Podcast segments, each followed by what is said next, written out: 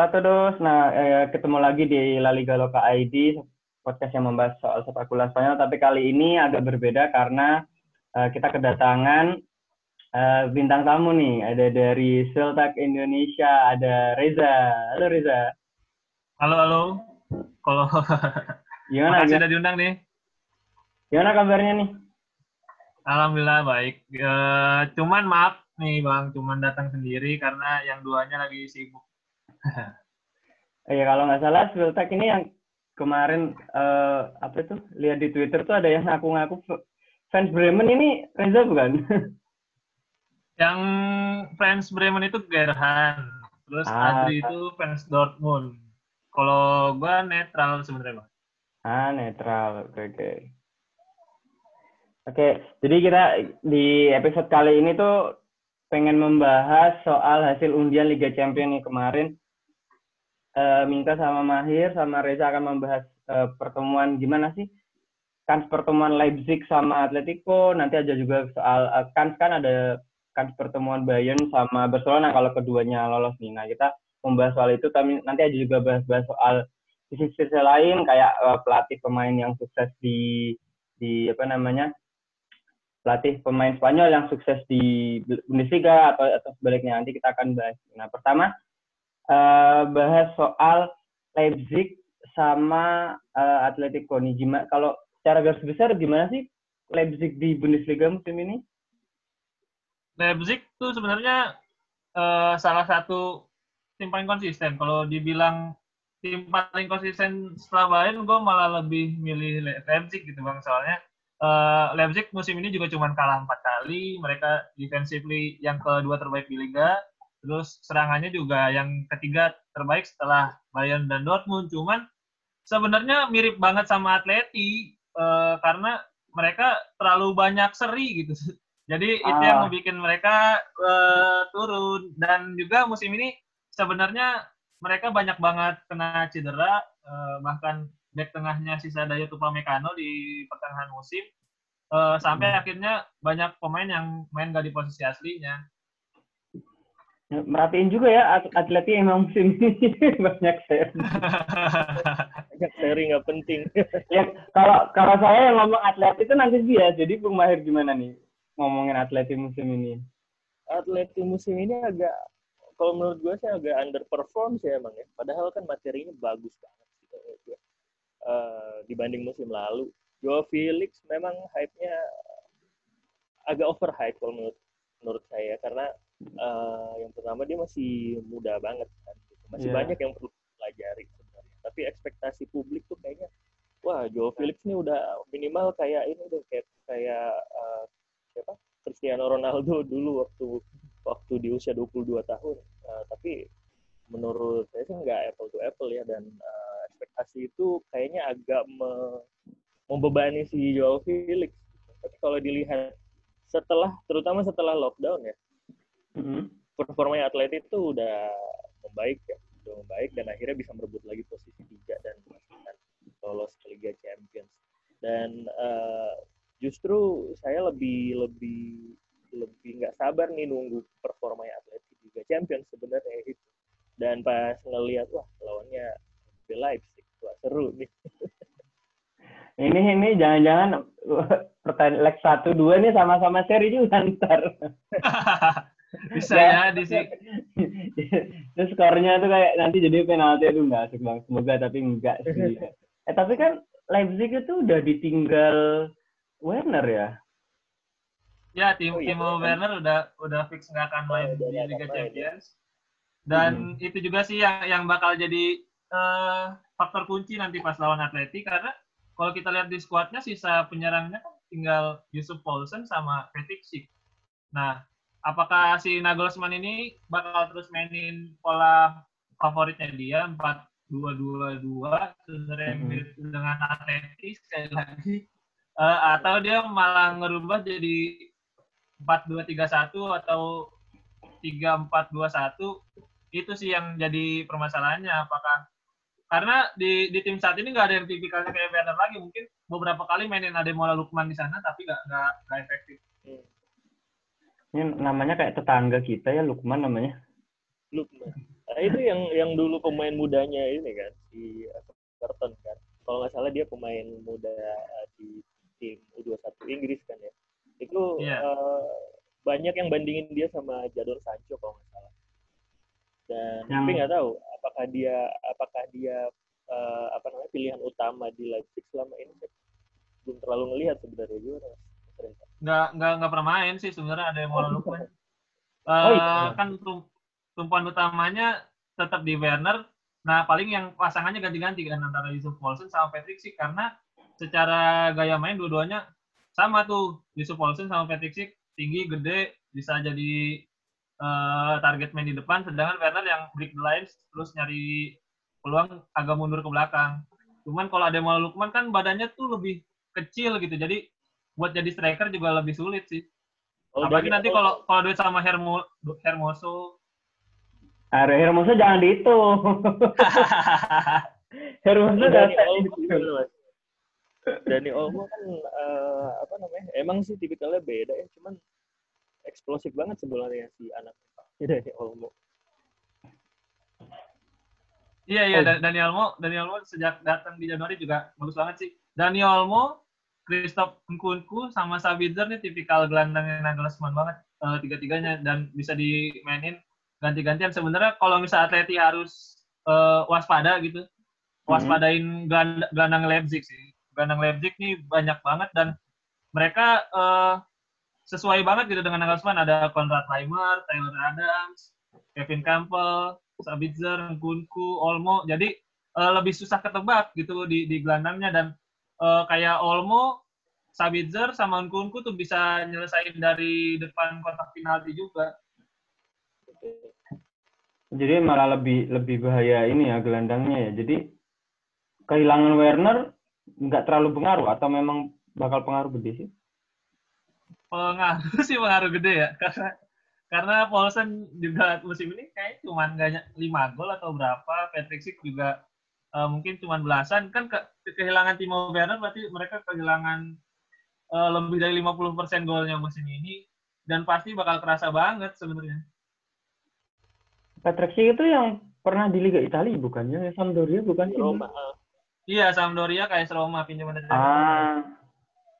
Padahal kayak, itu juga agak-agak mengejutkan sih ya dia milih pindah ke Liga Jerman.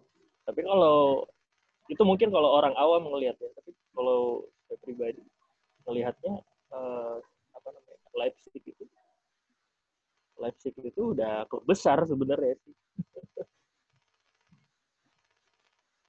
tapi banyak yang nggak suka ya di Jerman sama Leipzig. Nah, itu ada ada cerita nih. Jadi jadi waktu di Spanyol kan ternyata teman teman saya waktu di Swiss dia udah eh, dia orang Indonesia tapi dia pacaran sama orang Hamburg. Nah, dia ternyata eh, pacarnya itu meskipun dia orang Hamburg, dia ternyata fans Dortmund dari dulu kan dari kecil itu dari kita masih sekolah.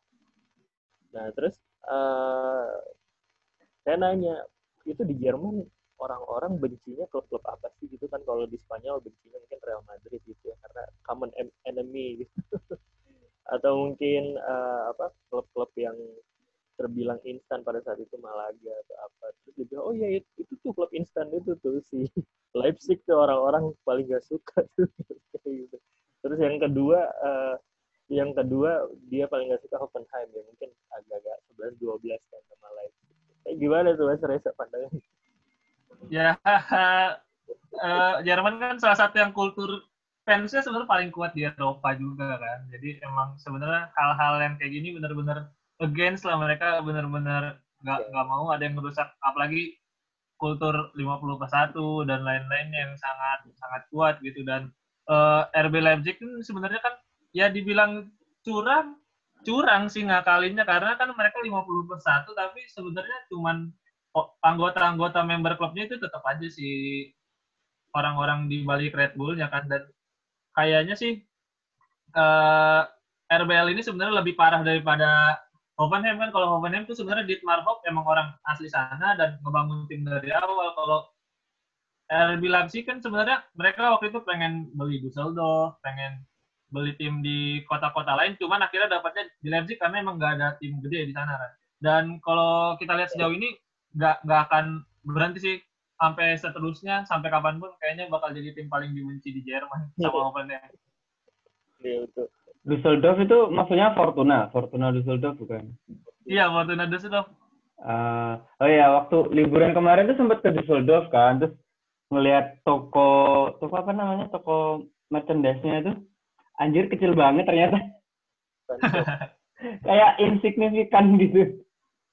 Dan seberangnya tuh malah ada toko Bayern lah yang lebih gede. Apa ini coba? Maria sih ya di Dusseldorf orang-orang tuh lebih kan deket ya posisinya dengan uh, apa Gelsenkirchen sama Dortmund. Jadi justru orang lokalnya itu banyak apalagi anak-anak muda. Memang mereka dukungnya Dortmund atau pokoknya enggak bela Fortuna sih.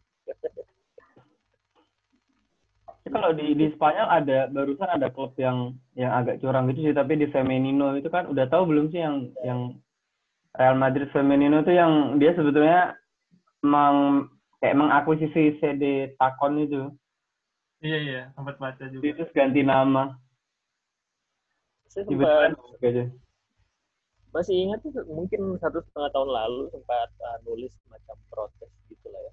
Maksudnya Real Madrid klub terbesar di dunia ngaku-ngakunya gitu ya dan memang bisa diperdebatkan.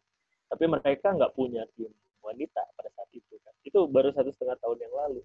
Nah sekarang mereka udah punya tim wanita tapi ternyata tetap nggak nggak apa ya apa ya istilahnya nggak nggak nggak sportif gitulah caranya pemainnya tuh dari Atleti itu banyaknya uh, Kayaknya cuma Kenti Robles ya atau ada lagi sih. Tapi oh, banyak banyak juga yang Tapi memang memang timnas Spanyol tuh mayoritasnya dari Atleti ya kemarin yang pas sama, sama sama Barcelona dua itu yang paling banyak. Oh iya. Yeah. Hmm. Tapi ngomong balik-balik balik ke Leipzig sama Atleti ini kalau Reza ngelihatnya ngelihatnya kan kan Leipzig gimana lawan Atletico yang yang yang sekarang? Kalau kan sih 50-50 ya karena uh, Atleti juga sebenarnya nggak nggak terlalu konsisten di liganya. Cuman uh, satu hal yang harus diperhatiin mungkin sama Nagelsmann, mereka libur satu bulan sih itu yang yang kayaknya bakal jadi sulitnya karena uh, mau nggak mau momentum pasti bakal hilang karena kemarin juga pas Bundesliga restart itu banyak tim yang uh, kehilangan sentuhan, banyak passing salah, kontrol salah dan itu kayaknya takutnya terulang lagi karena sebulan gak main kompetitif itu kan berasa banget.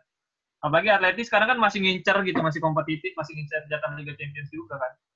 Udah sih, udah udah kesegel karena Villarreal kemarin kan gagal menang jadi aman. Tinggal Sevilla sama Atleti udah aman sih posisi.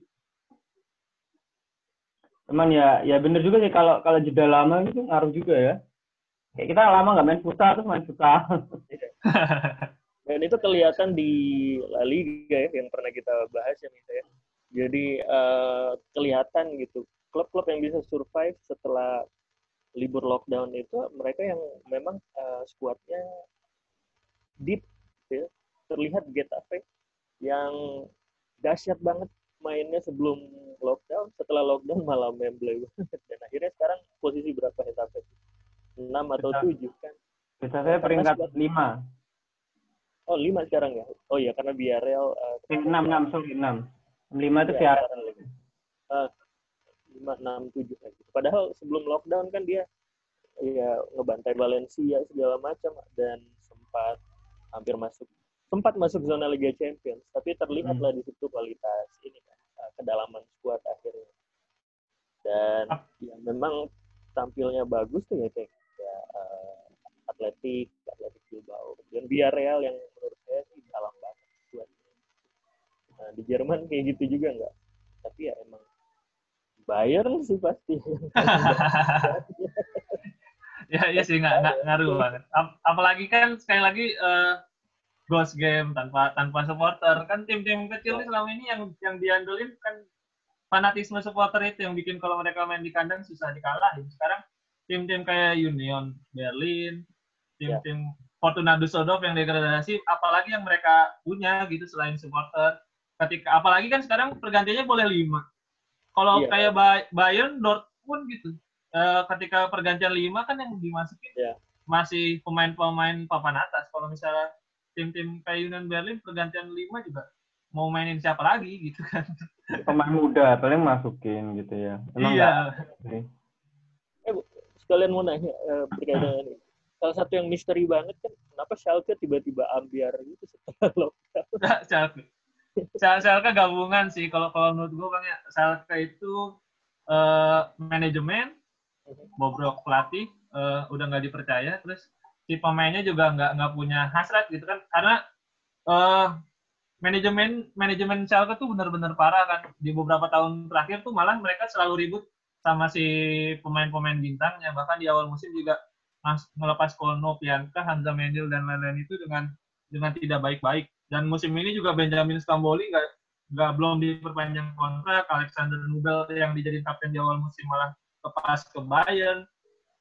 Jadi emang gabungan udah banyak banget cuman emang di awal musim sempat overachieve mereka sempat masuk di lima besar Eh, tapi di di putaran kedua kalau dilihat skornya sekali lagi tipis banget dan mereka bahkan di beberapa pertandingan terakhir tuh di bangku cadangannya cuma ada satu dua pemain senior sisanya pemain dari akademi mereka lumayan.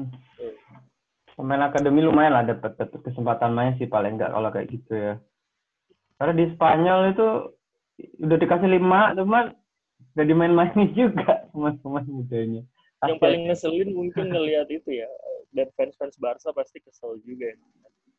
Eh, si Setien itu kan tetap tetap nggak tahu ya dia di pikirannya ada apa gitu. Udah dikasih lima tapi yang main tetap tiga gitu. Malah eh, apa namanya pertandingan terakhir tuh kalau nggak salah dia cuma bawa berapa pemain cadangan.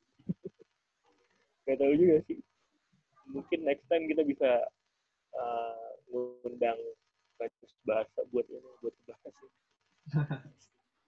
Oh iya, ini ini pertanyaan pertanyaan fans awam ini. Eh kenapa Bayern terus yang juara? kenapa bisa? eh, soalnya ngeliat awal-awal tuh Mönchengladbach gitu kan sama Dortmund itu ada kans gitu kan. Tapi kok ujung-ujungnya ya ditikung terus sama sama Bayern. Apalagi Bayern di awal-awal kan konflik mulu kan Iya iya. Awal musim tuh eh, biasa lah. Eh, Niko Kovac ribut sama manajemennya. Karena pemain-pemain yang diinginin Kovac tuh nggak pernah didatengin gitu kayak ya Hmm. pelatih eh kayak Kovac kan incerannya tuh bukan yang wah gitu. Mereka dia ngincer kayak Kevin Volk, Andre Kramaric yang kayak gitu-gitu dan itu menurut si boardnya Bayern nggak nggak miasannya mentality lah katanya. Jadi nggak nggak didatengin. Eh, cuman kenapa Bayern juara ya karena eh, kalau kualitas jauh nggak ya dibanding tim-tim yang lain. Cuman mental sih yang yang berbicara eh, banyak banget karena eh, deng- dengan banyak eh, yang eh, cedera, banyak juga ibaratnya drama di balik boardnya. Tapi si pemain-pemainnya ini kan udah bertahun-tahun juara. Bahkan Muller aja kan udah berapa tahun jadi juara Bundesliga dan di FA Pokal. Terus kayak Manuel Neuer, kayak David Alaba itu eh, semuanya emang udah biasa jadi juara dan itu sih yang nggak dimilikin sama tim-tim lain. Bahkan Dortmund kan pemain terbaiknya Marco Rossi itu seumur hidup baru satu kali juara itu jadi di Pokal gitu. Terus Oh, kita iya. lihat RB RB Leipzig siapa gitu yang pernah juara kan nggak ada. Gladbach juga paling Marco Rose juaranya baru di Austria. Jadi itu sih yang yang paling kelihatannya tuh di, di mental. Kayak kemarin di final di FB Pokal tuh Bayer Leverkusen juga nggak nggak ngelawan, kalahnya aja empat empat dua. Dan ini kayaknya bakal kebawa ke Liga Champions deh karena kan Liga Champions sekarang satu leg. Nah itu kayaknya yang bakal berpengaruh besar juga mental. Iya, iya. Satu leg ya? Iya satu leg. Iya. Kecuali Oh. yang 16 besar, kecuali yang 16 besar harus nyelesain. Oh iya iya. Tapi Oh, iya, tahu nih kalau feeling feeling aku sih kalau misalnya eh, Real Madrid lolos ya, wah dahsyat tuh. Itu kan main, makanannya Real Madrid tuh satu leg satu Iya. leg. Dan Zidane paling, paling pinter nge-save eh, energi pemain-pemainnya untuk untuk dimaksimalin di akhir gitu. Tapi kita lihat aja. Tapi mainnya mainnya Real Madrid musim ini juga sebenarnya nggak wah-wah banget gitu sih. Cuman Barcelona aja dan Atleti yang kebanyakan kepleset sendiri nggak penting kayak Atleti seringan seri kayak Leipzig gitu. Tapi sebenarnya nyambung ke yang tadi ya Mas Reza ya.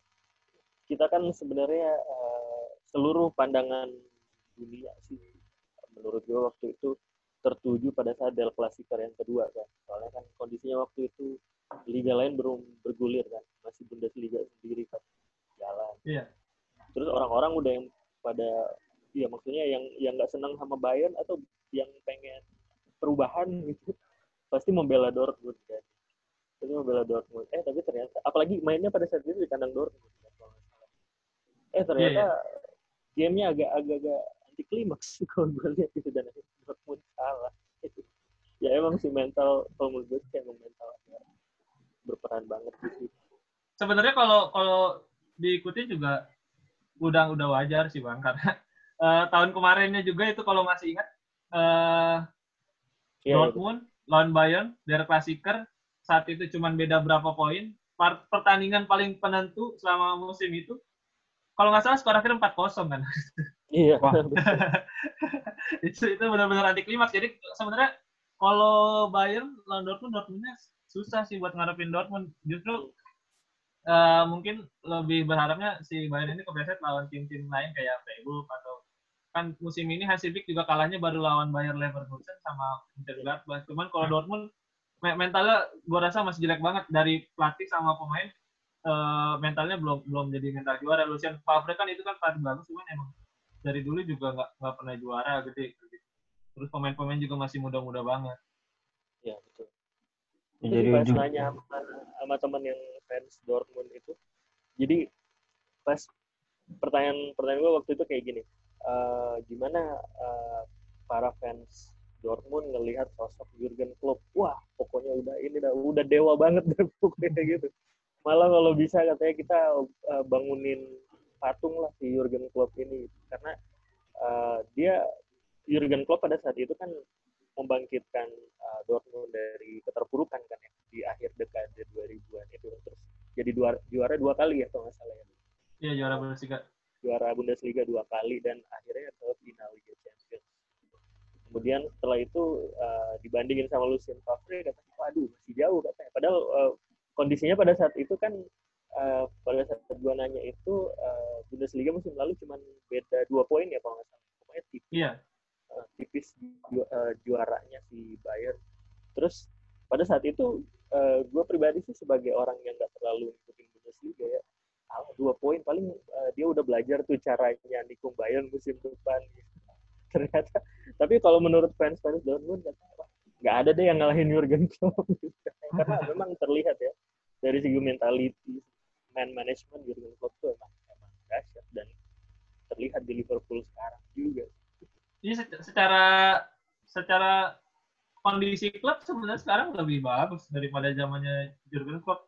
Jurgen Klopp dulu kan beli pemainnya murah-murah. Yeah. Kalau sekarang aja Dortmund tuh bisa bisa beli 30 juta euro buat Nico Schulz, 25 juta buat Julian Brand, terus 30 juta euro buat Torgan Hazard. Di awal musim tuh sebenarnya banyak yang harapin karena itu, karena Dortmund udah belanja jor-joran malah uh, hampir nyenggin Bayern gitu. Cuman ya sekali lagi pemain-pemainnya uh, gak bermental juara kan kalau Bayern datengin Lucas Hernandez Benjamin Pavard dengan status juara Piala Dunia. Iya. Biasa main di tim mediocre dan dan bisa step up. Iya Lukas tuh nggak terlalu sering main kan ya di di Bayern musim ini ya? Enggak, cedera, masih cedera. Oh, masih masih sering cedera tuh dia tuh. Iya. ya, kalau mudanya dari Alfonso Davies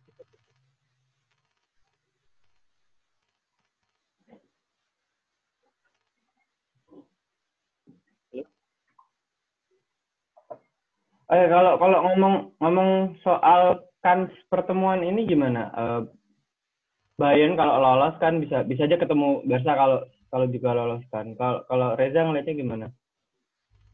Ya uh, mungkin sekarang Bayern lebih unggul lah kalau kalau secara head to head dibandingin gitu dari squad dari uh, mental pemainnya lagi bagus juga Bayern uh, pengen mengulang treble winner sedangkan Barca kalau kita tahu banyak masalah di dalam timnya mungkin bisa lah kalau bisa ketemu lagi Bayern ambil kesempatan hitung-hitung buat yang balas dendam sama Lionel Messi yang di kolom itu kan. Uh, jadi uh, ya kalau lihat peluang kayaknya Bayern lebih unggul. Cuman sekali lagi karena satu leg banyak hal yang nggak bisa ditebak gitu. Mungkin uh, kayak ya kalau kalau Lionel Messi lagi harinya nggak ada yang bisa melawan sih tetap itu emang kalau udah udah lagi on nggak ada obat sih emang ya. Udah nggak manusiawi mainnya itu kalau dia lagi on terus teman-temannya off kadang-kadang itu juga sih. Kadang-kadang ambiar juga sih. Ya mana, mana pelatihnya juga nggak ada pengalaman juga kan di di Liga Champions. Malah kalau gue pribadi ya Barcelona ini emang kompleks ya musim ini ya. Tapi kadang gue gregetan gitu ngelihat orang-orang me, apa namanya me, me, membuat simpel bahwa oh dengan kita gantiin Valverde itu bakalan lebih bagus. Kalau menurut gue sih enggak. Valverde itu tetap menurut menurut gue Valverde itu uh, posisinya udah uh, hampir menyamai Rafa Benitez ya kalau menurut gue ya. Tapi entah kenapa di dua musim terakhir tuh dia uh, lengah dan sampai akhirnya terjadi dua kali tragedi melawan Roma dan Liverpool gitu kan. Tapi menggantikan Valverde dengan dengan Enrique Setien yang sama sekali tidak ada pengalaman hanya satu kali bermain di Eropa bersama Real Betis di Europa League itu menurut gua over simplify the situation lah kalau menurut gue ya karena di Real Betis pun sebenarnya nggak terlalu istimewa sih di Enrique Setien ini nah kalau kesimpulan gue eh, banyak orang termakan pemberitaan bombastis media pada saat Real hmm. Betis hmm. ngalahin Barcelona di musim lalu ya 2018. Iya, empat tiga ya. Iya. Skor empat tiga. Padahal sebenarnya kalau dilihat harusnya sih mereka ngelihat uh, penampilan Real Betis secara keseluruhan di season season itu jelek banget Real Betis sebenarnya. Justru season sebelumnya kan yang mereka finish di mm -hmm. posisi itu harusnya jadi acuan. Tapi kalau season setelahnya man manajemennya udah terlihat buruk si si Enrique Setien di uh, musim tersebut karena uh, banyak pemain yang nggak percaya dan akhirnya uh, pada saat manajemen menyatakan bahwa uh, kontraknya nggak akan berpanjang bahkan uh, sebenarnya kan yang sangat dipandang uh, sebagai tokoh lah ya di Real Betis itu kan Joaquin Joaquin Sanchez. Joaquin malah nggak belain. Pergi aja. Ya, tapi akhirnya emang mungkin rezekinya ya si Enrique Setien uh, posisi Barcelona lagi kosong, nggak ada pelatih lain yang ya udah dia masuk. Tapi kita yeah. lihat aja bisa jadi karena faktor-faktor X dia bisa jadi juara Liga Champions. Kemarin juga ada wawancara uh, kayak dari mana ya sport kalau nggak salah dia wawancara Luis Suarez itu Luis Suarez secara nggak langsung dia bilang kayak liga itu udah, udah selesai jadi saatnya saatnya fokus ke Cem, Liga Champions kayak mereka udah angkat tangan saya penasaran sama pelatih Bayern sekarang siapa namanya Flick ya? Hansi Flick. Nah itu itu itu gimana sih dia me, me, me, gimana ya memanage mengatur Bayern gitu kan? Selepas Niko Kovac tuh sampai stabil sampai bisa nyalip Gladbach sama ini Dortmund. Iya iya benar Hansi Flick. Kan ini sebenarnya nggak nggak pernah megang tim sebagai pelatih utama uh, sejak berapa kapan nggak tahu uh, udah agak lama juga kan karena dia lamanya sebagai asistennya ini Joachim Löw jadi timnas timnas Jerman. Uh, cuman uh, sebenarnya kemarin tuh agak kaget juga kenapa si Hansi Flick ini bisa jadi pelatih utama karena kan Flick ini baru di awal musim datang jadi asisten manajer Niko Kovac. Cuman kenapa si Bayern itu bisa begitu percayanya sama dia buat menjadi dia pelatih utama karena uh, nggak ada juga kan apa track recordnya nggak belum terlalu banyak juga. Cuman ternyata sekali lagi benar kata Bang Mahir tadi, man manajemen sih yang yang paling terlihat dari seorang pelatih buat bisa ngebangkitin tim. Kalau kita lihat Bayern musim ini, Jerome Boateng, uh, Manuel Neuer, Thomas Muller, pemain-pemain yang sebenarnya udah dibilang habis, uh, hmm. mereka bisa bisa balik main bagus lagi. Bahkan Thomas Muller jadi top assist, Manuel Neuer jadi kiper dengan save percentage terbaik di liga musim ini. Jerome Boateng juga balik lagi umpan-umpannya. Uh, jadi uh, gua rasa sebenarnya secara taktik nggak terlalu spesial karena yang dia mainnya juga meneruskan apa yang udah ada di Bayern kan. hanya mengulang main, main 4-2-3-1. Uh, cuman dari main manajemennya sih gimana pemain bisa enjoy main di lapangan.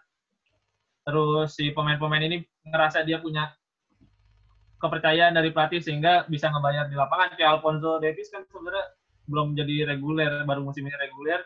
Jadiin left back bahkan bukan posisi aslinya dia, tapi bisa main sebagus itu. David Alaba dipercaya jadi center back, bisa main bagus juga. Jadi balik lagi ke main manajemen kalau Hansi kalau gue lihat dari taktik sebenarnya nggak nggak nggak banyak yang spesial cuman balik lagi pelatih yang punya uh, taktik spesial kan kayak set ini juga sebenarnya spesial gitu dia uh, apa yang ada di kepalanya dia Niko Kovac juga sebenarnya punya sesuatu yang spesial dia bisa bawa Eintracht Frankfurt jadi juara dia di vokal cuman kalau nggak punya main manajemen yang bagus kayak lagi uh, percuma gitu karena si pemainnya juga nggak akan mau ngejalanin uh, apa yang disuruh sama si pelatihnya ibaratnya.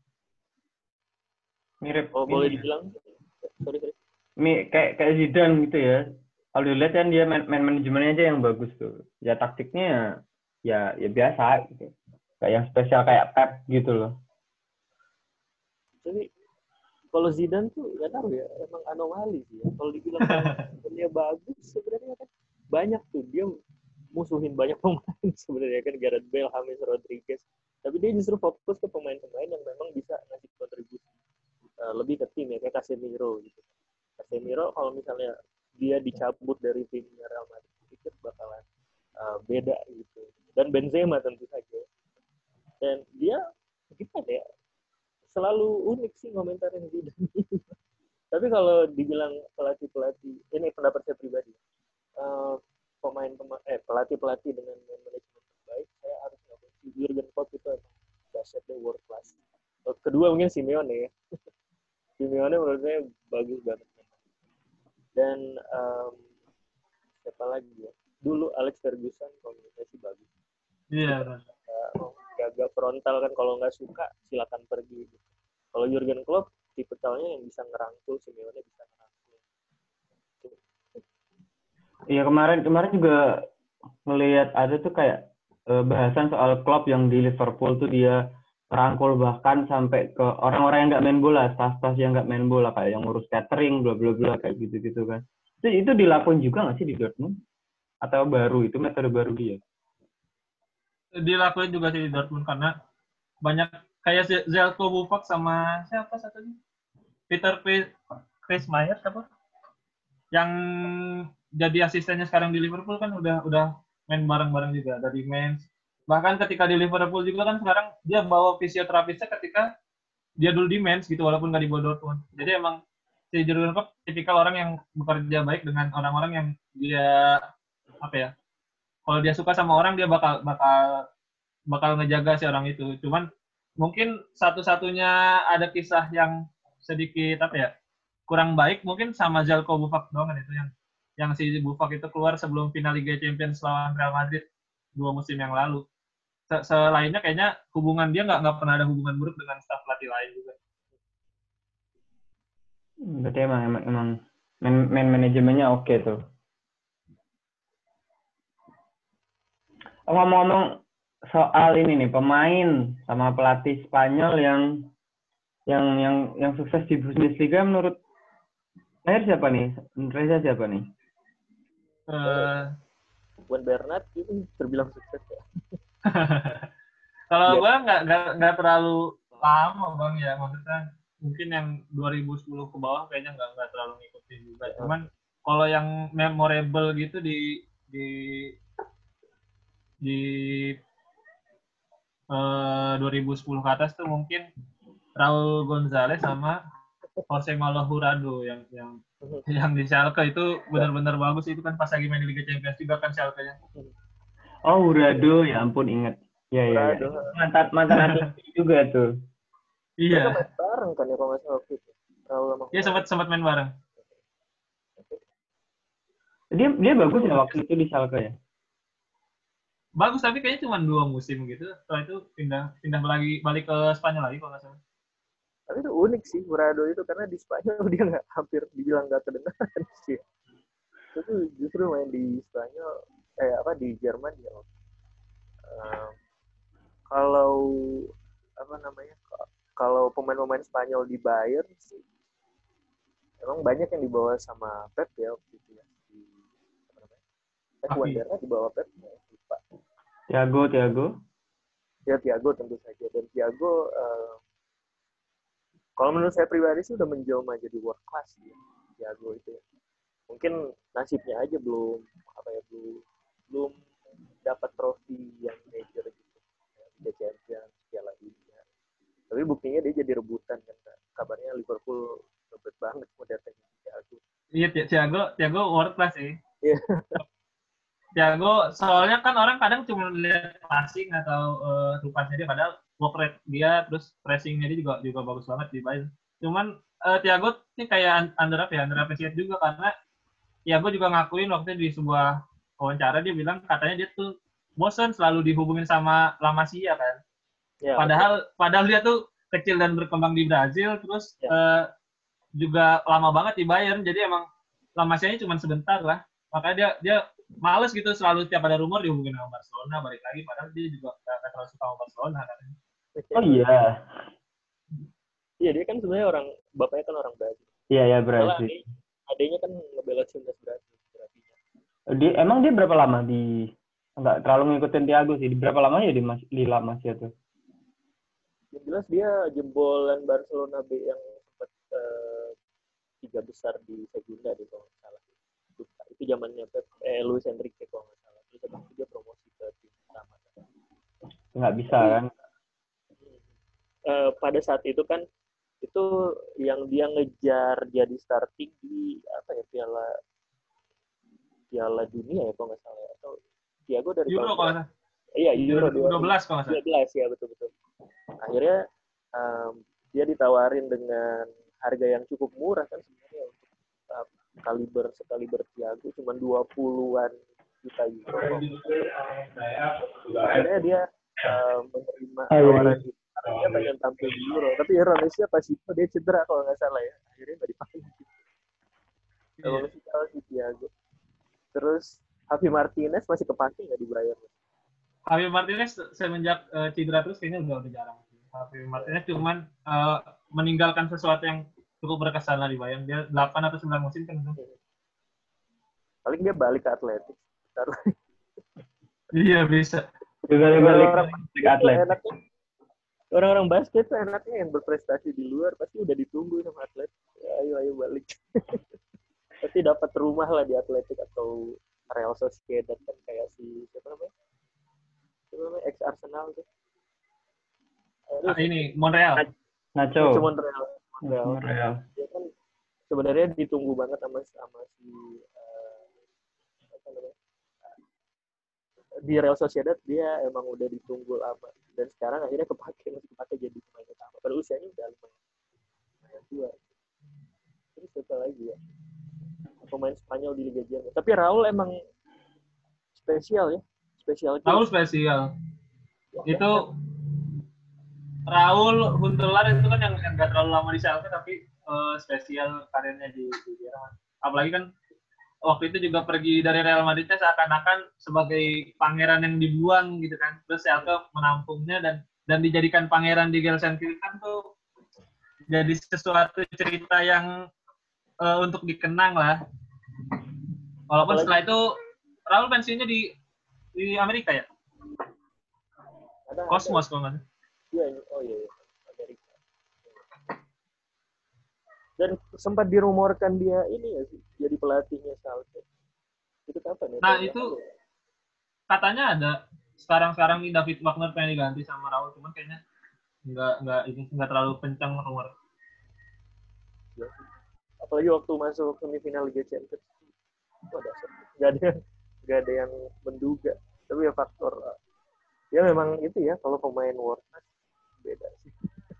tapi se- sejak Raul datang ke Schalke itu kayaknya si Madrid nih jadiin Bundesliga itu sebagai apa ya ajang untuk belajar anak-anak mudanya gitu jadi Oh gitu. kayak Dani Carvajal kalian Ferguson Iya, betul. terus eh, Omar Mascarel kan sempat juga dipinjemin terus ada Ashraf Siapa kan ya? sebenarnya, Ashraf Hakimi kan oh iya Saraf Hakimi juga Madrid sekolahin, tapi akhirnya dijual. Dijual. yang ser- yang striker tuh siapa Sandro tuh Sandro di mana? Barca ya kalau Sandro? Eh bukan Sandro. Juan Juan yang pernah Juan lu yang yang pernah di Borja Mayoral yang pernah Oh iya di Borja Borja, Mayoral. Iya iya iya. Mayoral kalau nggak salah. Jadi banyak pemain muda dari Madrid dipinjemin ke Bundesliga sejak Raul datang. Iya betul juga. Kalau inget Raul tuh, aduh sedih. itu itu kalau nggak gara-gara Jesus Gil yang ngaco nutup akademi itu nggak pindah itu. Satu Aduh. mungkin yang ini ya Minke ya si Alvaro Dominguez itu sedih juga sih. Alvaro Ah iya iya. itu Dia dia sukses di Gladbach kan waktu itu. Tapi akhirnya pensiun dini. pensiun muda kan, kayak baru 30 deh kalau nggak salah. Atau. Alvaro Dominguez. Terus ada satu lagi pemain dari akademi itu yang yang pindah ke Jerman, ah lupa namanya. Yang yang dari Afrika. Siapa ya namanya? Pindah ke Mainz atau ke mana sih waktu itu? Baku ya Baku. Lupa Baku namanya. Pak. Lupa namanya. Tapi dia lumayan sebenarnya lumayan bagus di tim-tim B itu sebenarnya. Cuman ya di di lini tengah kan waktu itu masih ada eh, Saul, Koke, Gabi, Thomas juga masih bagus. Ya susah banget masuk masuknya. Jadi ya, ya dijual akhirnya. Oh Pierre. Kunde ya? Ah itu tuh tuh tuh ya itu Pierre Pierre Conde itu. Dia masih di Jerman bukan sih atau Masih masih di Mainz. di Mainz kan? Ya. Ya kalau pelatih siapa lagi ya? Cuma ingetnya Mbappe. Pelatih siapa ya? Kayak nggak banyak. Bundesliga nggak terlalu terkena hype-nya sepak bola Spanyol deh kayaknya nggak kayak Liga Inggris. Iya iya. Kalau kalau tuh Bundesliga sama La Liga tuh sama-sama jarang jarang pakai pel- pelatih impor kan. Di La Liga kan banyak pelatih Spanyol, di Bundesliga ya banyak pelatih Jerman juga banyak. Tapi kalau iya betul juga sih kalau dipikir kan emang Inggris mereka mungkin eh, apa ya regenerasi kepelatihannya tuh kurang banget. Kan ini sempat dibahas sama eh, artikelnya. Masih ingat waktu dulu nulis buat football kan. Itu waktu itu kan ada yang eh, apa namanya empat besar atau lima besar pelatih Inggris mediocre yang sebenarnya kepake terus gitu kayak Steve eh, jangan Steve Bruce deh eh, ini siapa Alan Pardew. Paul Pardu, Alan Pardu, kemudian eh, siapa namanya? Eh, aduh siapa sih namanya? Roy Hodgson, terus itu termasuk juga David Moyes dan segala macam gitu. Maksudnya eh, ya mungkin mereka memang butuh sentuhan pelatih dari luar ya dan tapi kadang saya geleng-geleng juga ngelihat kayak kayak siapa namanya? Eh, kayak kayak siapa ya pelatih yang sebenarnya di di Spanyol tuh biasa-biasa aja tapi akhirnya kepake banget di di ini di Inggris kayak Roberto Martinez siapa sih? Ah iya Roberto Martinez. Roberto Martinez eh, di Spanyol tuh gak kepake sebenarnya Kayak Javi Javi Gracia. tapi Gracia juga. Padahal kan iya maksudnya mereka nggak nggak survei dulu gitu atau gimana. Bahkan Pochettino juga nggak bagus kan dia Spanyol. Pochettino waktu nah itu juga yang ajaib. Di Pochettino sebenarnya di Espanyol itu biasa-biasa aja. Tapi akhirnya mungkin rezekinya ya di Tottenham Hotspur. Sama yang ex-nya Atleti siapa namanya? Lupa. Hmm. Ini sama Spanyol Ike aduh siapa sih namanya?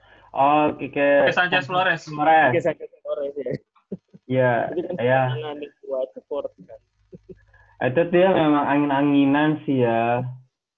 Enggak. Sama siapa itu yang ke baru kemarin? Emery, Emery kan Emery Emery Emery oke. Chelsea, sebenarnya lumayan.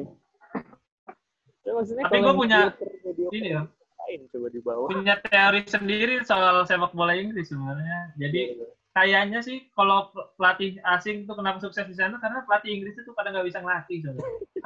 Sesederhana itu. pelatih pelatih asing nih pelatih asing pola pikirnya tuh beda gitu sama orang-orang Inggris. Makanya kalau kita lihat ya eh, yang masih pure sepak bola kan di divisi championship.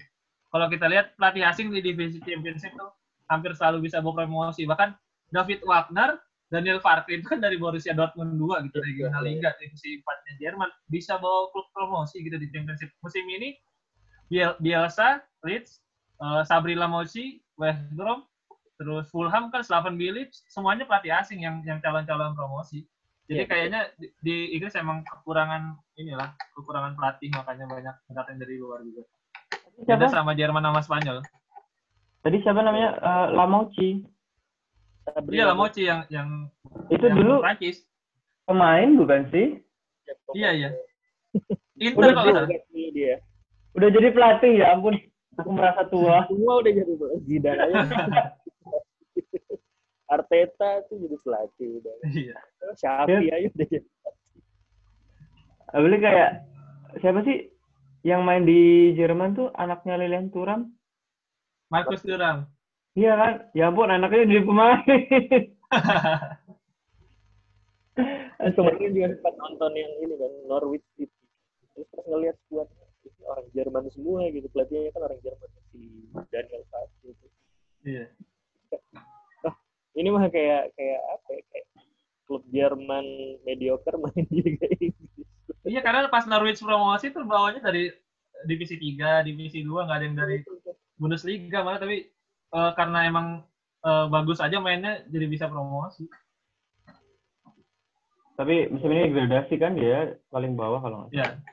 Kalau kalau udah masuk Premier League susah sih uangnya. Nah kalau kalau kalau dibalik nih pemain pemain pelatih Jerman yang yang sukses di Spanyol. Yang ya sekarang mah Toni Kroos lah ya itu udah jelas banget. Terus Selain itu Pelatih Jerman pelatih Jerman the one and only dong. Ben Schuster. Ben Schuster itu yang dulu main di Real Madrid, Atletico bukan sih? Barcelona Iya kan? yang pernah memperkuat iya. Heeh. eh Atleti pernah kan ya? Pernah pernah. Bar. Barca kok Barca. Ah, Barca juga pernah. Oh dia main di tiga tiga klub gede ya? Iya kan dahsyat kan? Sama kayak eh Luis Mia, tapi Luis Mia kan nama kalian. Nah, Iya dan yang bikin spesial kan Schuster jadi ini pelatih Jerman pertama yang juara empat liga besar di luar Jerman. Rambutnya itu khas banget. Fotonya.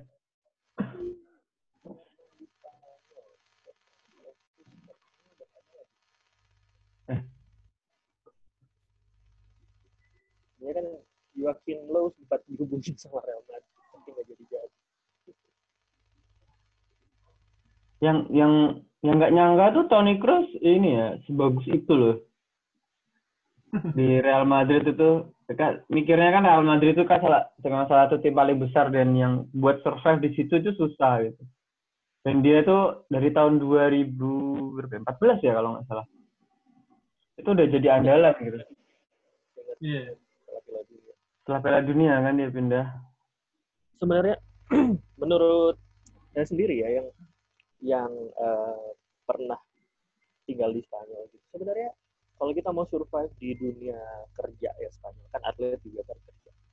Kita sebaiknya emang belajar bahasa Spanyol gitu supaya kita bisa ngobrol kan gitu kan. Soalnya kan kita berinteraksi bukan sama sama pemain tapi ada juga staf pelatih dan uh, macam-macam lah kitman segala macam itu kan orang lokal semua pasti nggak bisa bahasa Inggris dan itu bisa kita lihat lah pemain-pemain dari negara non Spanyol yang ternyata penampilannya lumayan bagus ya kayak Toni Kroos kemudian di Barca ada Marc Andre ter Stegen ya itu sekarang bahasa Spanyolnya udah bagus. Nah yang justru nggak bisa memang sih nggak gagal-gagal amat tapi akhirnya sampai sekarang ya gitu kurang bisa uh, blend in sama kehidupan orang Spanyol ya kayak Gareth Bale. Kemudian dulu ada si Jermaine Pennant yang cuma satu musim di Zaragoza gitu kan sebenarnya kuncinya ya pelajari aja uh, yang pertama pasti bahasa kemudian kulturnya negara tempat lu kerja aja gitu pasti bakal bakalan survive gitu. mungkin beda ya kalau kayak Belanda mau main di Liga Belanda yang penting bisa bahasa Inggris sudah bisa survive gitu. Ya, ya di sini bahasa Inggris Eh, udah faktor hmm, faktor non teknis itu ya yang bisa menjembatani itu bahasa sih kok menurut gue kalau pemain siapa ya Tapi di Madrid lumayan sih kayaknya pemain Jerman. Ozil, Kedira, Ah, Ozil. siap apa? Metzelder, Metzelder. Metzelder. Zelder itu. Misal dihitung juga. Dulu ada nih, mungkin ini spesial spesial case karena tahu gue di Bundesliga dia nggak terlalu terkenal, tapi di Spanyol sempat masuk jajaran top scorer. Patrick Ebert, tahu nggak? Nah, iya, Pak. pernah. sempat main di Valladolid di sekitar tahun 2014. Itu sempat 10 besar, 5 besar malah top scorer 2014 kalau nggak salah. Valladolid, kemudian Valladolid sama Vallecano kalau nggak salah. Terus habis itu eh, timnya degradasi, dia udah pindah lagi. Kalau nggak salah dia sekarang balik ke Bundesliga deh. Udah tua sih kayaknya 34-an gitu. Bundesliga 2 sih kalau nggak salah. Liga 2 ya. Patrick Ebert. Itu special case juga. Apa. Yang aku yang masih penasaran itu Ter Stegen itu termasuk ini kan kiper ti- tiga kiper terbaik kan setelah eh, Courtois dan Jan Oblak gitu. Tapi kenapa di timnas Jerman kok masih Neuer aja ya? Nggak ngerti tuh. Pelat- pelatihnya pelatihnya ini apa eh, dia kalau udah ibaratnya sayang sama pemain kayaknya nggak nggak dilepas lepas deh. soalnya No- Neuer kan waktu itu bahkan yang baru pulih dari cedera aja langsung jadi starter kan pas Piala Dunia 2018 kemarin itu enggak enggak adil Itu sih kalau itu itu, itu banget sih sumpah. Nggak ngerti. Ter Stegen itu kalau lagi refleksnya tuh gila lah. Hebat banget ya. Kok bisa saya masih jadi nomor dua itu. dan kalau nggak salah di Piala Dunia akhirnya kan kelihatan si Neuernya agak-agak error. Iya ya yang di kain Korea itu kan? Iya yang lawan Korea.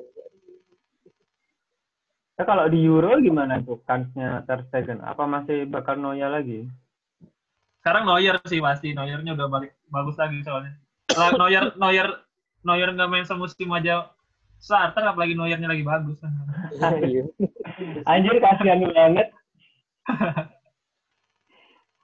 kasihan amat kalau ya. dua yang kiper yang kiper ketiganya kan Leno sekarang oke oke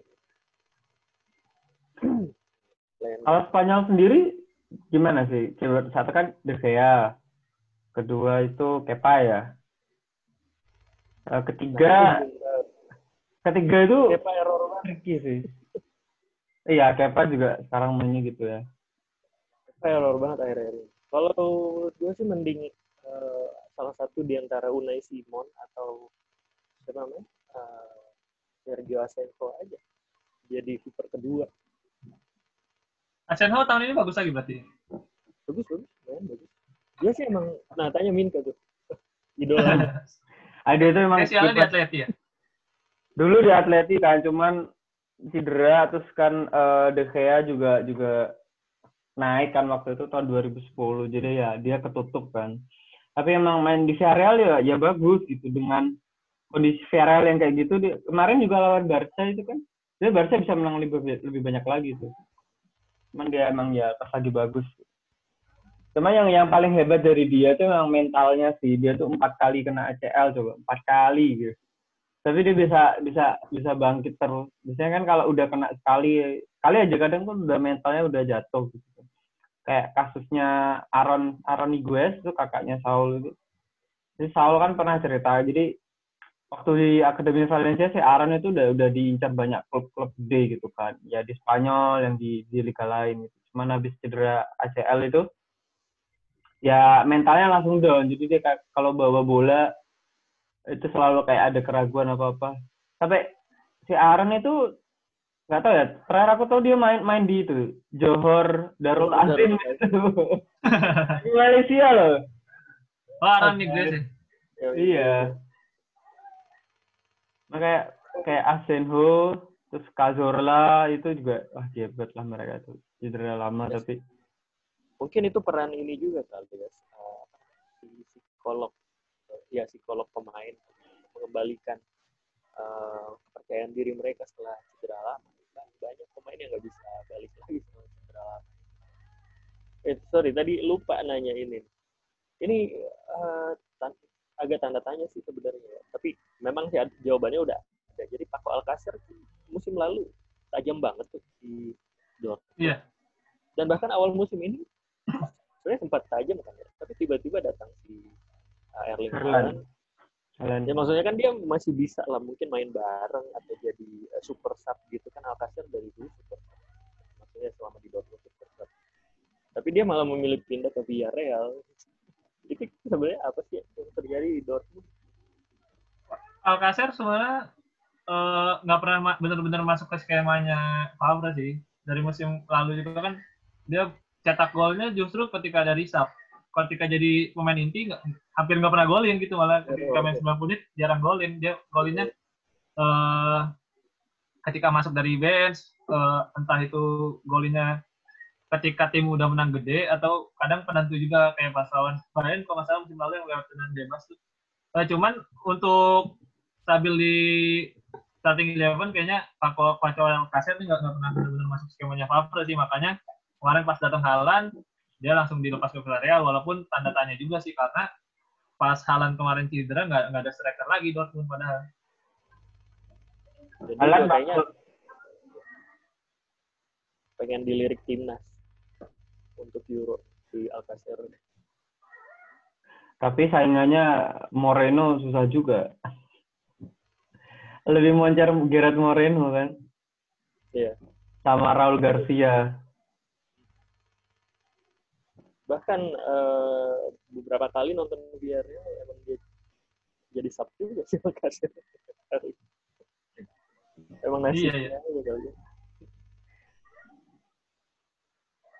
Kalau Hafia, kansnya untuk masuk ke apa namanya, lini depannya timnas Spanyol kecil juga. Morata kan lagi gila ya. Morata lagi gila. Moreno lagi. Catatan offsetnya emang gila Morata. Iya. Paling banyak gila di La Liga. Ini orang paham offset gak sih lama-lama? Tapi si si siapa sih namanya? Halan itu bakal kebayang nggak sih? Kayaknya tracknya tuh jelas gitu. Iya, tapi tapi kayaknya kalau kemarin tidak cocok cuman kalau nggak kebeli duluan sama tim Inggris ya. Iya, iya, itu dia. Atau PSG. Iya. Tapi enggak sih kayak PSG udah ini, udah ngemok si Halan soal kemarin. ya, betul. Eh, tapi ada satu lagi bang sebenarnya bang, ini pemain Jerman yang pengen aku sebut.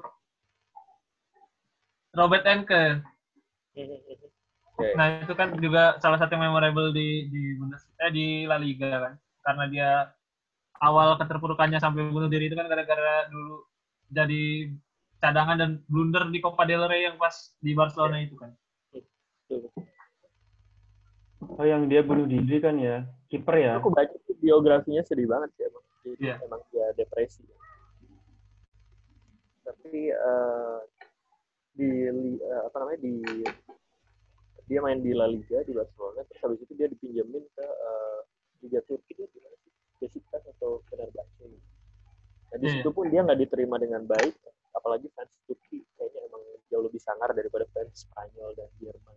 Di situlah katanya sih awal-awal depresinya dia dua itu ya Spanyol sama Turki depresinya dia semakin parah kemudian Makanya dia gue takut sama ini bang, sama Karius kan habis sebelum Ya, betul, Real betul. Madrid itu dipinjeminnya ke Besiktas, padahal fans di sana kan gila. dia sempat berpikir wah ini nih apa bisa jadi Robert Enke kedua tapi Enke sebenarnya pas sempat balik tuh, dia jadi kaptennya Hannover kan ya Iya. dan eh, kalau nggak salah dia waktu itu sempat jadi kiper pertama sebelum dia bunuh diri eh, di nasional game Dia kalau nggak salah proyeksi untuk eh Piala Dunia 2010 kan.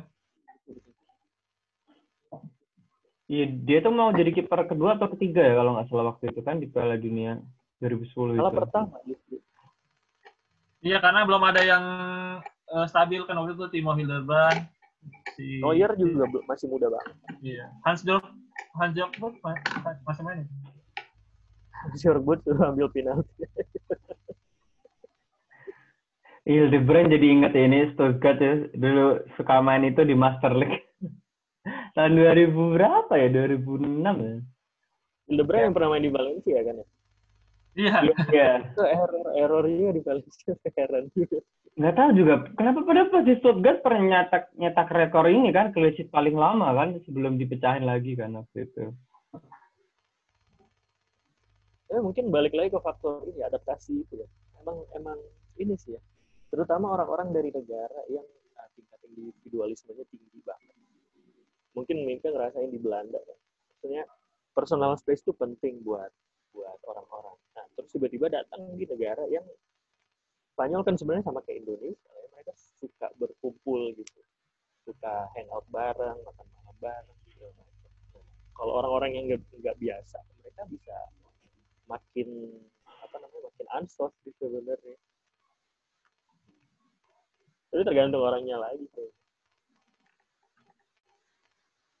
Nih, nah ini apa yang nanya satu pertanyaan yang perlu analisis uh, dari pakar-pakar ini.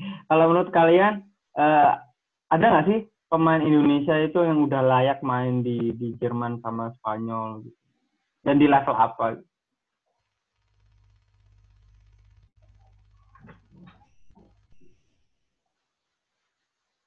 Siapa ya? Susah ini pertanyaannya. karena, karena biasanya kan pemain Indonesia itu yang paling uh, apa ya? Yang paling terlihat itu kan yang posisinya uh, attacking midfield, winger, sedangkan pemain-pemain kayak gitu kan kalau di Eropa itu kurang kepake gitu. Mungkin uh, kalau sekarang Witan bisa lah Witan kan karena udah di Serbia juga. Witan uh, dia in between space nyarinya juga bagus nggak nggak nggak terlalu ngandelin kecepatan beda sama Egi gitu kan Egi terlalu ngandelin akselerasi. Kalau Witan lebih pinter lah kalau kalau lihat mainnya. Mungkin divisi 3 di Spanyol atau di Jerman masih bisa lah. Divisi 3 tuh di Jerman namanya apa ya? Bundes, tiga liga. Tiga liga ya iya, iya. lumayan jauh juga ya di tier ketiga ya. Karena kalau di divisi tiganya Jerman tuh masih ada loh pemain, maksudnya Lebanon, yang kayak gitu masih ada. Oh, ada pemain Lebanon juga ya? Iya. Si siapa tuh namanya? Kim Kurniawan dulu di divisi berapa sebelum dia ke Indonesia? divisi Atau lima kalau nggak salah Kim tuh. Divisi lima.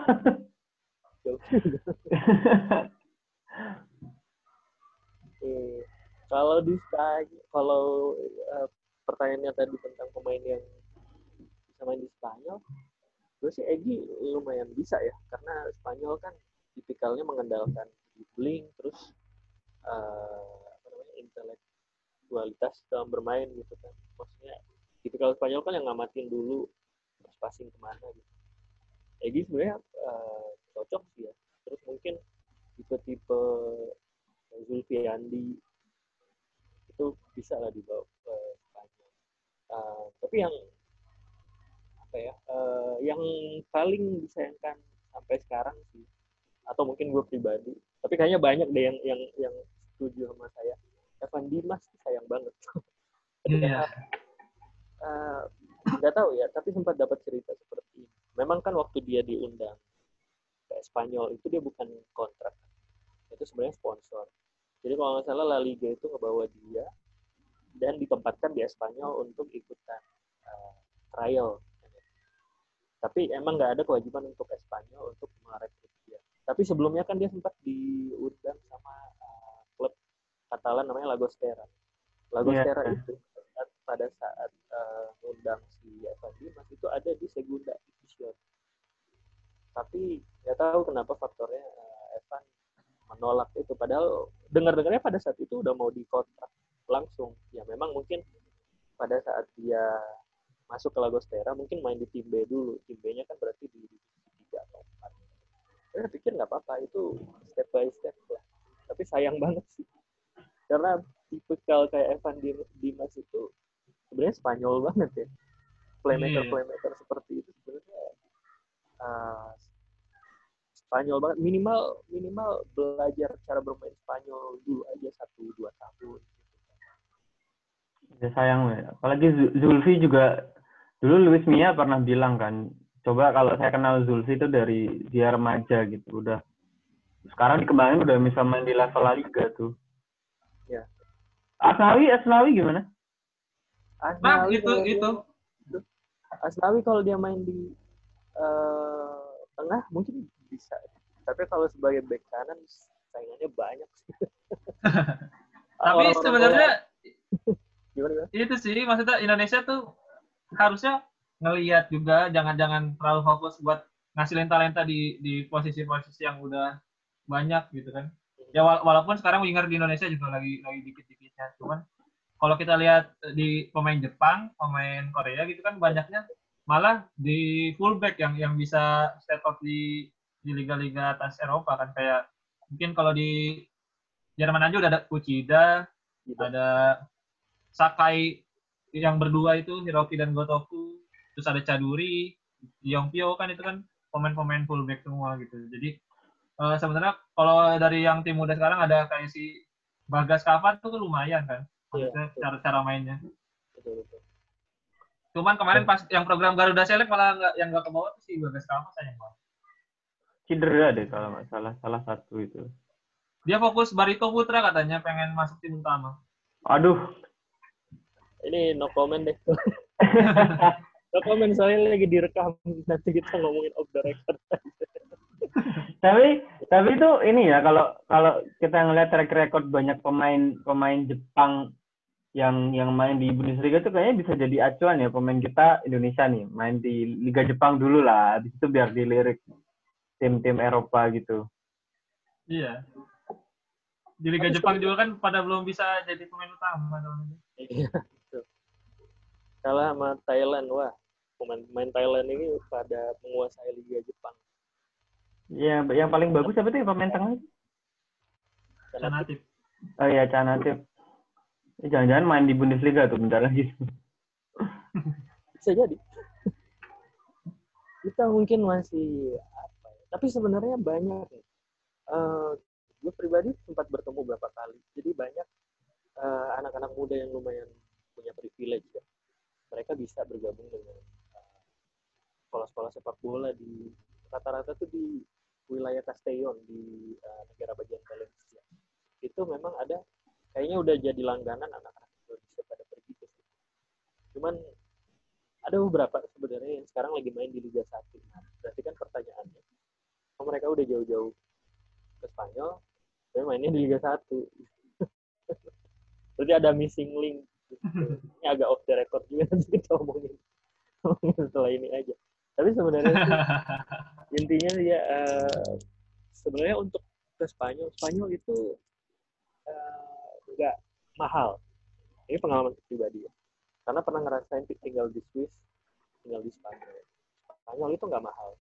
Mungkin kalau kota kayak Barcelona sama Madrid itu ya bisa bersaing dengan kota-kota kayak London atau Berlin sorry Berlin murah München Amsterdam segala macam tapi kalau misalnya dia tinggal di Andalusia aja atau Valencia aja Sevilla gitu itu sebenarnya murah. Dan di situ banyak sekolah sepak bola. Nah um, sebenarnya anak-anak Indonesia ini yang terprivilege itu udah bisa mencapai ke situ. Jadi mereka sebenarnya udah mengenyam pendidikan sepak bola di beberapa beberapa kota di Spanyol gitu. Tapi memang berarti kan mereka ke sana itu sendiri ya, belum disupport sama Kementerian Olahraga apa dan segala gitu. Itu mungkin yang perlu dipikirkan sama para bapak-bapak yang mengurus sepak bola kita. PR-nya panjang ini. ya, makanya kan susah. Oke, udah uh, bahasanya udah udah sejam lebih nih kita ngobrol nggak kerasa. Oke, kita kita kita tutup dulu. Nah, sampai ketemu lagi di episode La Liga Lok ID selanjutnya. Terima kasih Mahir, terima kasih Reza. Ya. Terus. Nah, ketemu lagi di episode uh, terbaru La Liga Lok ID. Nah, sekarang kita akan mau membahas karena liganya udah selesai jadi kita akan bahas uh, performa klub-klub Spanyol di kompetisi Eropa. Nah, ini kan ada uh, Valencia, Real Madrid, Atletico, kemudian Barcelona, Espanyol, Getafe dan uh, Sevilla kan ini yang berkompetisi di kompetisi Eropa. Nah, kita akan bahas satu-satu. Uh, saya akan membahas nanti ada Valencia, Real Madrid, Atletico dan Espanyol. Sisanya akan dibahas oleh rekan saya. Ya biasa. Siapa lagi kalau bukan Bung Mahir? Nah pertama kita akan membahas tim yang musim ini banyak membuat e, berita yaitu Valencia. Ini Valencia. Ya sayangnya beritanya kebanyakan bukan berita ya positif ya karena kemarin mereka melepas kapten mereka itu Dani Parejo kemudian uh, Franci uh, Chocolang ya bener gak sih uh, cara penyebutnya? Itu ke Villarreal Ferran Torres dijual ke Manchester City dan ya banyak-banyak problematik lainnya kayak misalnya uh, anaknya Peter Lim itu yang Kim namanya Kim ya kalau nggak salah Kim itu yang dia malah menyinggung apa namanya para fansnya Valencia dengan bilang oh, kenapa sih kalian tuh ribut-ribut soal Valencia? Ini kan klub keluarga saya jadi bisa diapain aja gitu. Nah, nah kalau soal Valencia sendiri musim ini di Eropa juga sebenarnya nggak buruk-buruk amat nah mereka bisa lolos dari fase grup.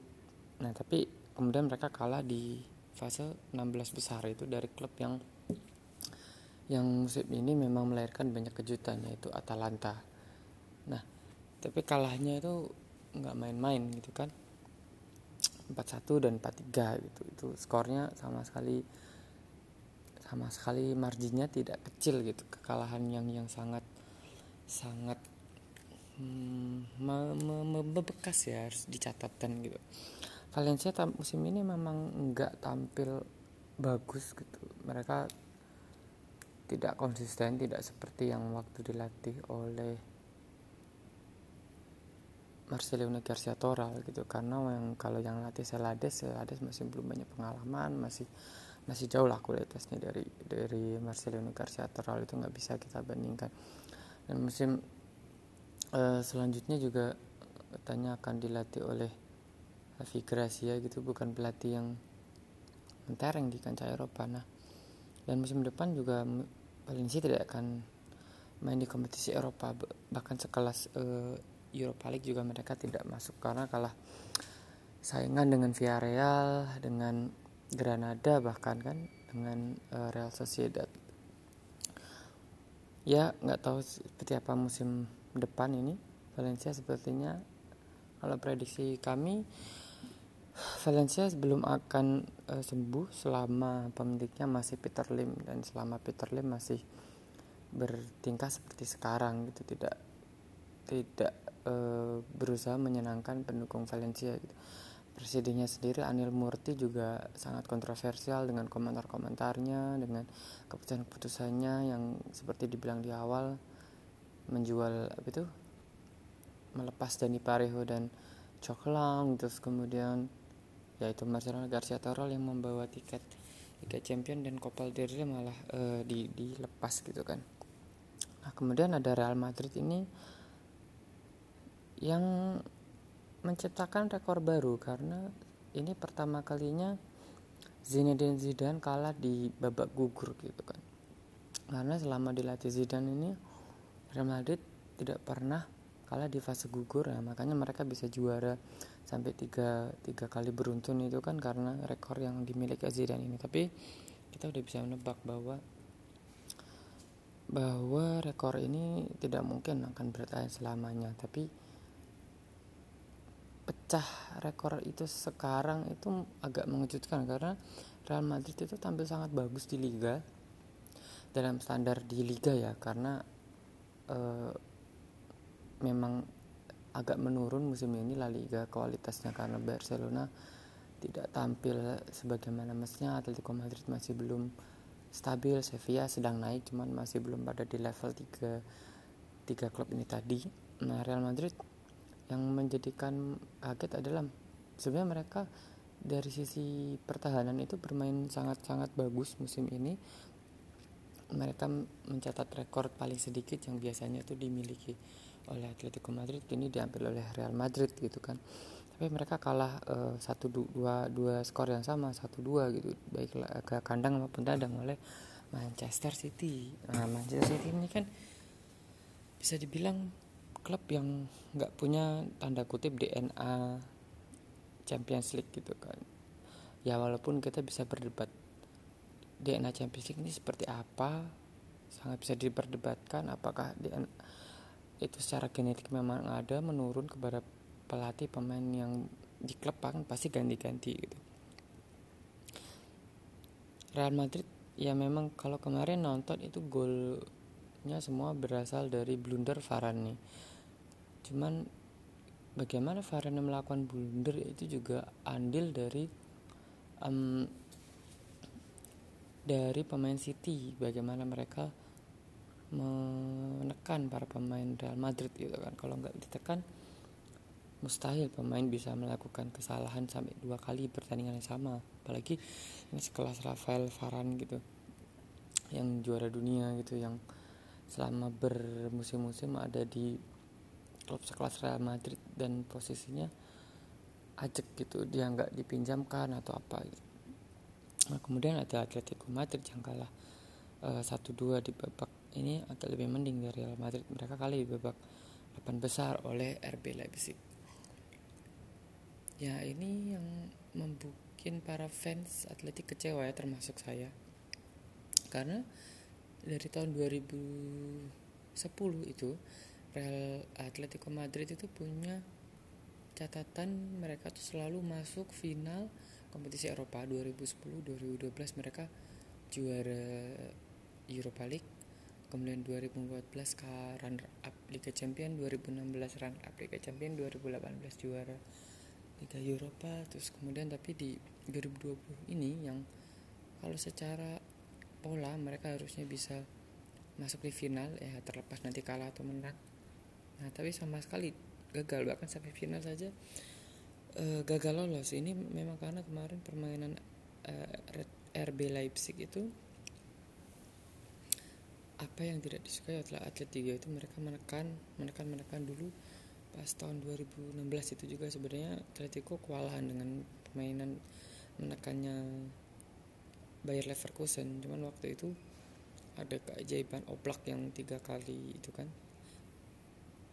e, parada itu paradon gitu itu yang sangat sangat di luar nalar itu diselamatkan oblak. Tapi kali ini oblak kalah oleh deflectnya e, Safik tapi highlight dari Atletico di Liga Champions musim ini adalah sebelum pandemi mereka mengalahkan Liverpool itu dengan skor 1-0 di kandang dan 3-2 lewat perpanjangan waktu gitu di di Anfield. Itu yang selalu diulang-ulang. Dan ada banyak videonya dari yang biasa sampai yang sinematik itu. Itu enak sekali ditonton untuk mengobati luka kalah dari Leipzig yang sebetulnya harusnya bisa nggak kalah ya. Karena kemarin golnya juga deflected itu ya antara sial atau memang wajar kalah. Tapi ya kalau kata saya kalahnya sial juga.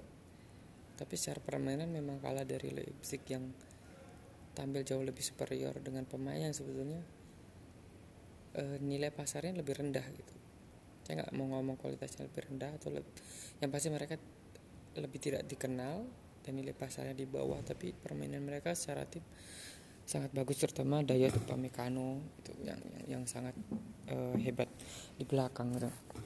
Nah, kalau di Liga Eropa ini ada ada Espanyol yang kalah 4-0 tapi kemudian menang 3-2 di kandang gitu di babak 3 belum disar oleh uh, Wolverhampton Wanderers. Espanyol mm, nggak mm, ada sesuatu yang menarik dan apa ya sesuatu yang menakjubkan dari permainan Espanyol di Liga Eropa sekalipun. Di fase grup mereka tampil lumayan nggak bagus-bagus banget lumayan sampai mereka bisa lolos ke babak 32 besar. Tapi setelah itu kelihatan sekali mereka masih kalah kelas dibandingkan Wolves. Kalau ini Espanyol 2006 ya tentu beda cerita tapi ini Espanyol 2020 yang banyak sekali masalah. Musim ini mereka dilatih oleh empat pelatih bayangkan dalam satu musim itu betapa tidak stabilnya tim ini sampai akhirnya untuk pertama kali dalam pertama kali dalam 26 tahun ya kalau nggak salah. Pertama kali dalam 26 tahun atau 25 tahun. Eh, Spanyol degradasi uh, mereka akan main di Segunda. Ini sesuatu yang uh, banyak orang tidak memperkirakan gitu kan. Kalau dari dulu ngikutin Spanyol itu pasti kalau dari ngikutin La Liga sorry. Kalau dari dulu ngikutin La Liga itu pasti lihat nama Espanyol di di papan klasemen tapi musim ini musim ini nggak nggak ada gitu musim depan nggak ada. Jadi itu seperti sesuatu yang hilang tapi memang Espanyol ya itu tadi banyak sekali permasalahan karena ganti-ganti pelatih itu tidak tidak akan menolong. Akan lebih baik kalau mereka dulu tuh bersabar dengan Pablo Machin gitu kan walaupun hmm, banyak banyak apa namanya laga yang tidak poinnya tidak sesuai yang mereka harapkan mungkin satu poin atau nol poin alih-alih tiga poin harusnya mereka bersabar dulu dengan Pablo Machin menunggu bagaimana Machin memperbaiki timnya gitu seperti yang kesabaran Valencia waktu itu di paruh musim pertama musim lalu itu kan Valencia ada di papan bawah tapi mereka sabar dengan Marcelino dan kemudian Marcelino bisa membawa tim timnya itu meraih tiga-tiga champion di Hornada terakhir karena melompat Getafe. Nah kesabaran ini yang sayangnya tidak direplika di di Cornel Cornelia El Prat gitu kan dan akhirnya mereka gagal total gitu di Europa League cuma sampai di kedua besar di La Liga mereka sudah tertendang gitu dan akan main di Segunda musim depan. Nah, eh, klub-klub lainnya nanti akan dibahas oleh eh, Mahir. Nah, sementara eh, saya membawa satu kabar yaitu Jorge Molina yang eh, pindah dari Getafe ke Granada. Jadi Molina akan kembali bermain di akan kembali bermain di Liga Eropa. Karena kemarin Getafe kan musim ini main di Liga Eropa tapi kalah sama Inter dan nanti ya nanti itu akan dibahas oleh Mahir saya nggak mau membahas uh, terlalu banyak. Molina ini pemain tua sekarang umur 37 tahun akan jadi 38 kan dalam waktu sebentar lagi tapi dia masih masih sangat bagus tuh di depan dia jangkung uh, goal getter posisi yang bagus stamina stamina walaupun untuk ukuran 37 tahun masih bagus. Yang pasti dia nggak makan yang nasi rames tengkleng apa yang yang yang nggak sehat terus kemudian dia ngetek yang penting halal atau gitu aja kok repot gitu kan di Instagram. Syukur bagi Molina karena dia akan main di Granada yang musim depan. Insya Allah main di Liga Eropa kalau mereka lolos babak kualifikasi. Dan akan menarik kalau dia bisa bisa tandem dengan Soldado gitu yang sama-sama pemain tua gitu. Segitu dulu pembahasan dari uh, segmen pertama nanti segmen dua dilanjutkan oleh uh, Mahir. Uh, sekian dulu silakan Mahir nanti dilanjutkan. Uh, adios.